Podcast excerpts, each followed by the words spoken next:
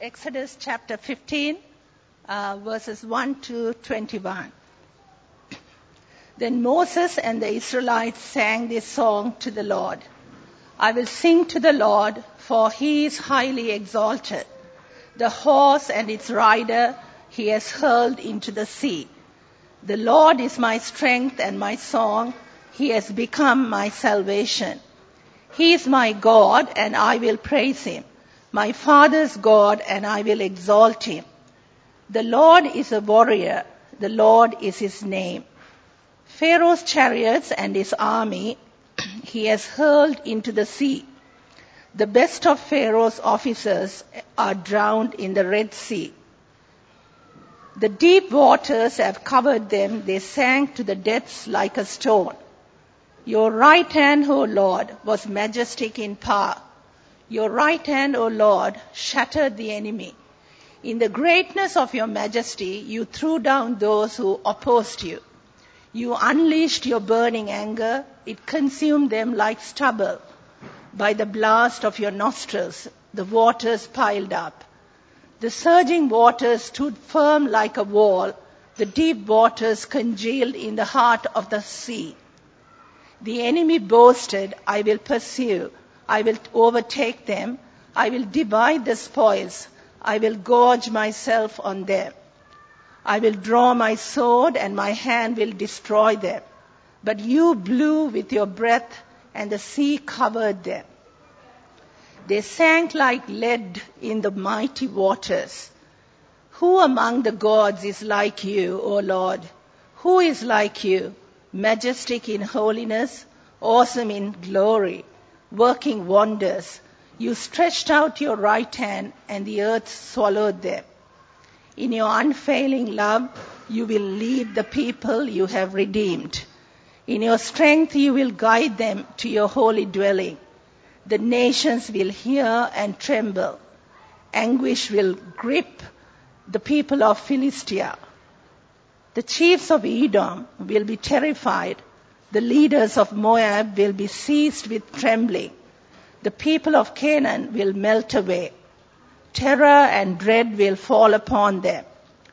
By the power of your arm, they will be as still as a stone until your people pass by, O Lord until the people you bought pass by. You will bring them in and plant them on the mountain of your inheritance, the place, O Lord, you made for your dwelling, the sanctuary. O Lord, your hands established. The Lord will reign forever and ever. When Pharaoh's horses, chariots, and horsemen went into the sea, the Lord brought the waters of the sea back over them. But the Israelites walked through the sea on dry ground. Then Miriam, the prophetess, Aaron's sister, took a tambourine in her hand, and all the women followed her with tambourines and dancing. Miriam sang to them, Sing to the Lord, for he is highly exalted. The horse and its rider he has hurled into the sea. Well, we've just uh, we've just uh, read, not sung, uh, a song uh, by by Moses, Miriam, and the Israelites. So we don't know the tune, so Joyce, Joyce read it rather than singing it. Uh, have you ever wondered uh, why we sing in church? Uh, we've sung three songs uh, so far. We're going to sing another two uh, after this talk. why do we sing? And why do some people choose not to sing?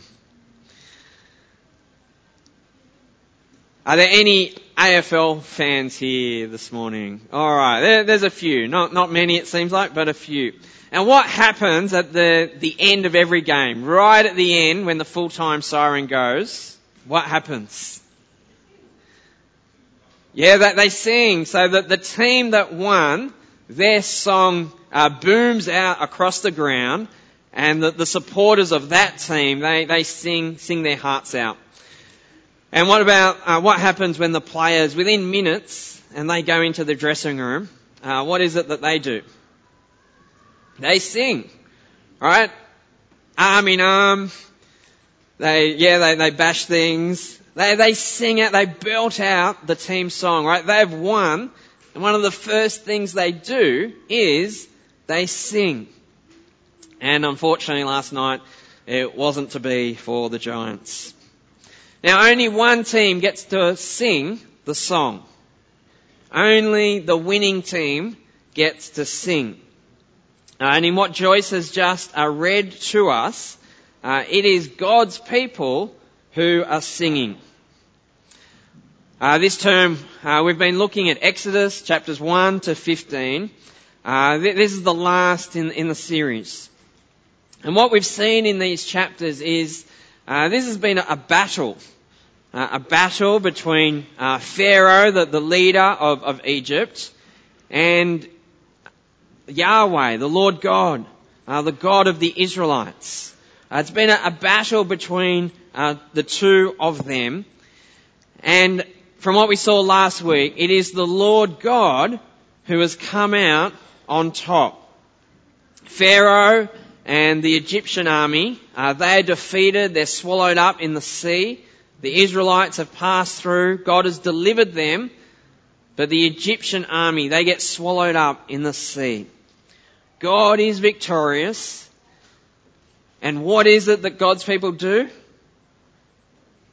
They sing. Right? This is the first thing that happens, having been brought through the, the sea, they then sing. It seems to be a, a natural response of God's people to, to rejoice, to sing His praises. Uh, so hopefully you've got it open, you can still see it. Uh, see their response, uh, the last verse of chapter uh, 14, verse 31 says, when the Israelites saw the great power the Lord displayed against the Egyptians, the people feared the Lord and put their trust in him and in Moses his servant. Then Moses and the Israelites sang this song to the Lord. I will sing to the Lord, for he has triumphed gloriously. The horse and its rider he has hurled into the sea. So saved by God, there's a reason to praise God. Saved by God, there's reason to praise God. And that is still true today. Uh, for those of us who know uh, God's victory uh, in the Lord Jesus Christ, uh, it is good and right for us to sing praises uh, to God. Right? It's an expression of, of joy and thankfulness uh, that comes from deep within that we, we can sing. We sing to the Lord for what He has done for us, for what He has done for you in, in rescu- rescuing you, uh, bringing you uh, out of darkness, out of sin.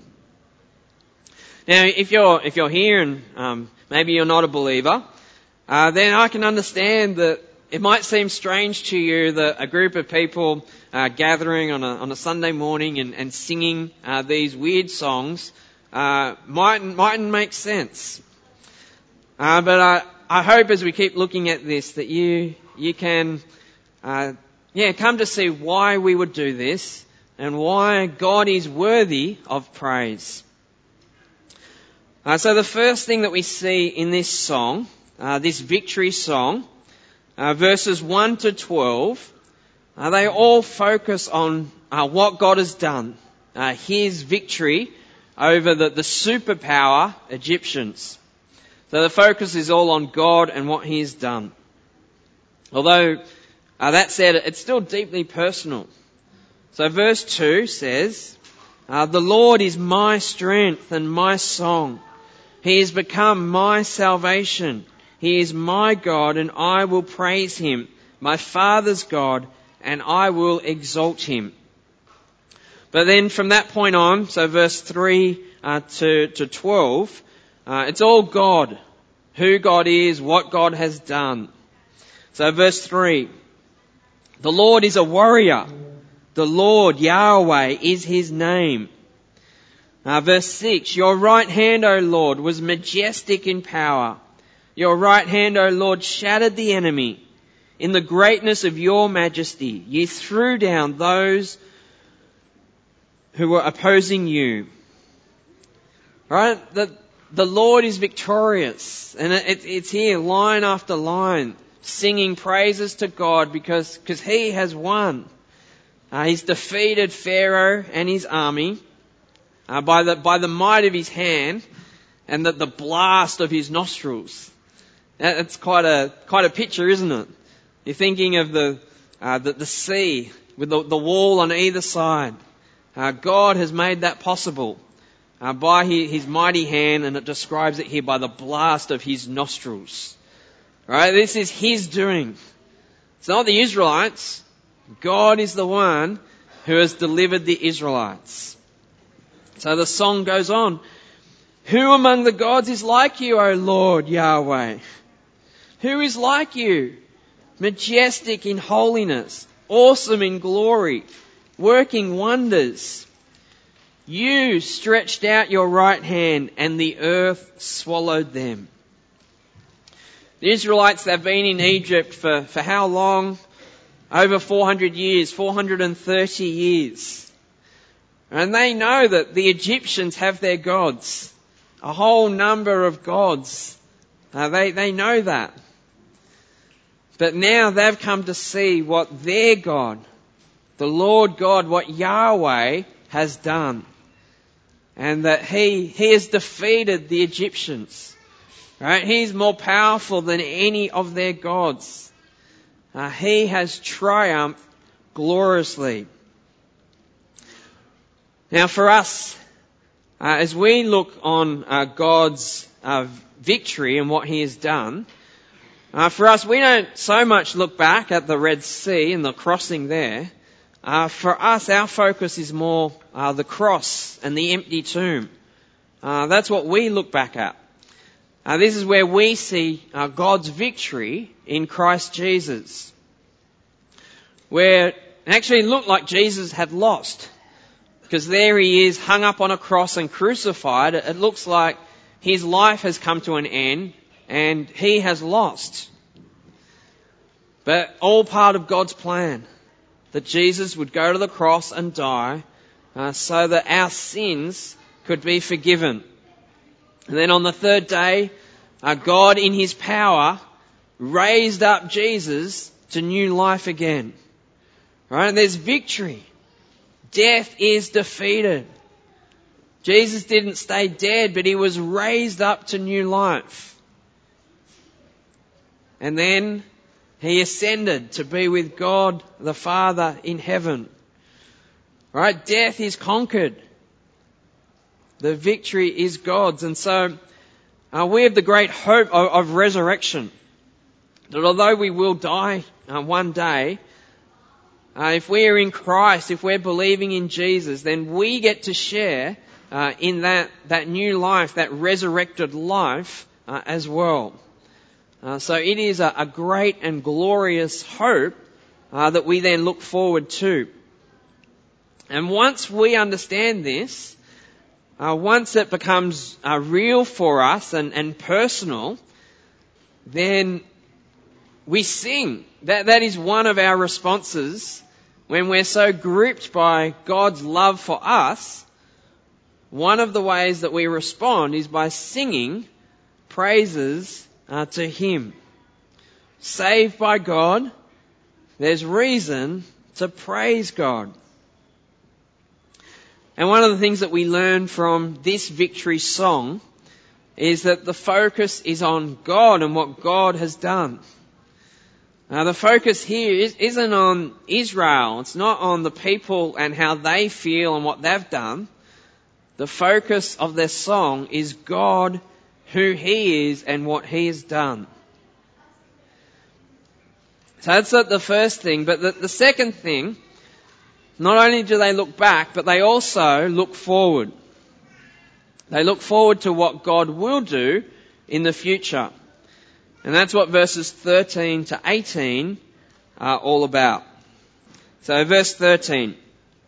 So now it's all what God will do. In your unfailing love, you will lead the people you have redeemed. In your strength, you will guide them to your holy dwelling. The nations will hear and tremble. Anguish will grip the people of Philistia. Right, so here's, his unfailing love and strength is now going to lead them. So now he's saved them. He's, he's brought them out of Egypt. What's God going to do? Well, now he's going to, to bring them into the promised land. So he's going to lead them. He's going to guide them. He's going to be with them. And it speaks of his steadfast love. This is where we have um, the awesome God, holy, but who is also a, a loving God. Both of these things the holiness of God, but the love that He has for His people. And it says that nations will hear and fear. Right? They're going to hear about what happened to the Egyptian army. They're going to wonder, how did this happen? They're going to know it's not the Israelites. They're, they're slaves in, in Egypt. So they're going to come to, to fear the God who has saved them. And some of them are going to, to come even to, to faith. They'll become God-fearers. And that, that's true today. Like, I don't know if there are any Jews here, but we who have come to believe in God, we, we are part of the nations. Uh, I, I love that, that some of the friends that I have are, are, are living in other nations who are Christians, and I've got to know them. And the, the, what we have in common is that we are believers. So I've got friends in Uganda, uh, in, in Malaysia, uh, in the Solomon Islands who, who are Christians, in India. Uh, and, and it's great. All because we are believers. And as, as a church here, we come from different nations. Uh, we are we are God's people who He is gathering together. Why? Because we we believe in Jesus as our Lord. And so we sing not only of what God has done, but we sing of what God is doing and what God will do. Just as they sing in verse 17, you will bring them in and plant them on the mountain of your inheritance the place, O Lord, you made for your dwelling, the sanctuary, O Lord, your hands established. So also we sing of the hope that we have and what is to come as we look forward to uh, the new creation and our inheritance. Now we have this great hope, but life now, it isn't always great. Now, singing can actually be a way to, to celebrate the, these truths and to help us when things are tough uh, right now. Uh, when life is hard, singing uh, can be good. I saw this quote uh, this week. It says, "Singing your way through suffering uh, is a way to incline your heart uh, to God." Right? Because you might be going through a really hard time now, but you can still be assured that you are saved, that God loves you, and you can know that God will see you through uh, because you have a sure and certain hope. And singing uh, can help us to, to celebrate those things that don't change, even if, if life is hard. Uh, there's there's another one, uh, particularly um, thinking about the kids. So it says we need to be equipping our kids with, with hymns, with songs, with good theology, so they can sing in their darkest nights. Uh, the truths of God's Word and singing that in song, it's, often the songs that we remember. And we'll, we'll find ourselves singing those songs. Uh, so we want to make sure that the songs that we sing are right and have good theology uh, and are about God uh, for us uh, and for the, the children here. Now, I'm quite observant. Uh, as we sing and, and, as I look around, uh, I notice there are some people who love to sing. But there are other people who don't love to sing. Uh, and they don't sing. And some people would be probably quite happy if we never sung at all. Um, and then there, will be others who wish our singing was actually a little bit more lively and it looked like we were getting into it a bit more and we were clapping and actually moving a little bit. Alright? So we, we got people who, who are thinking different things. And some of us, whether we sing or not, we're just not very good. Maybe we're, we're like the, those people who might audition for those uh, shows like The Voice and, and Idol, but they never make it. Or they only make it to those, the sort of the, the blooper clips, the ones which can't really sing and they're, they're there for a bit of, um, light relief so that we can, um, laugh at them. And that's what we're like. We mightn't be able to sing that well. But whether we can sing or not, I don't think that should really matter. Um, maybe it should if we're out the front with a microphone. But if, if we're just sitting amongst everyone else, then I don't think it should really matter. Right? We've got something worth singing about. Saved by God, we've got reason to sing. We're a God who is victorious. Now this, this victory song that they sang, it seems that they just did it. They were delivered, they came, they were on the other side, they gathered together, full of joy that God had saved them, and their response seems to be just to sing. No, no command, just, they just sung. Uh, like those AFL fans and players at the end of the game, they are the victor. What is it they want to do? They want to sing. They're, they're full of joy because they've won. Uh, we could turn to the Psalms. The Psalms are, are full of, of songs uh, which pick up on, um, yeah, all, all, different aspects of life. Uh, let, let, me just read just a few verses uh, from from there. Uh, Psalm 95 begins.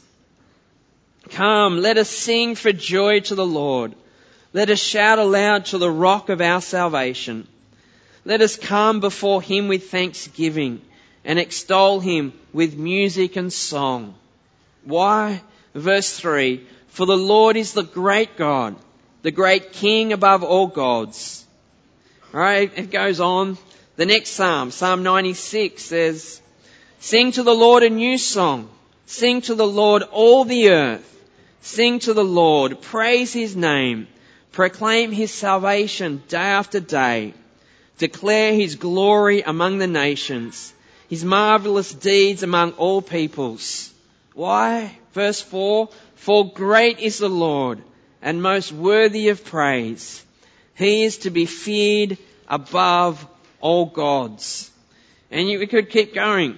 Psalm 98, Psalm 100, Psalm 101 are all calls to, to sing. Sing of, of what God has done for His people.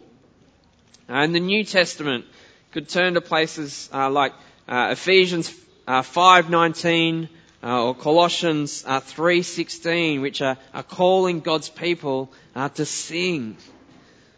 Saved by God, we've got reason to sing.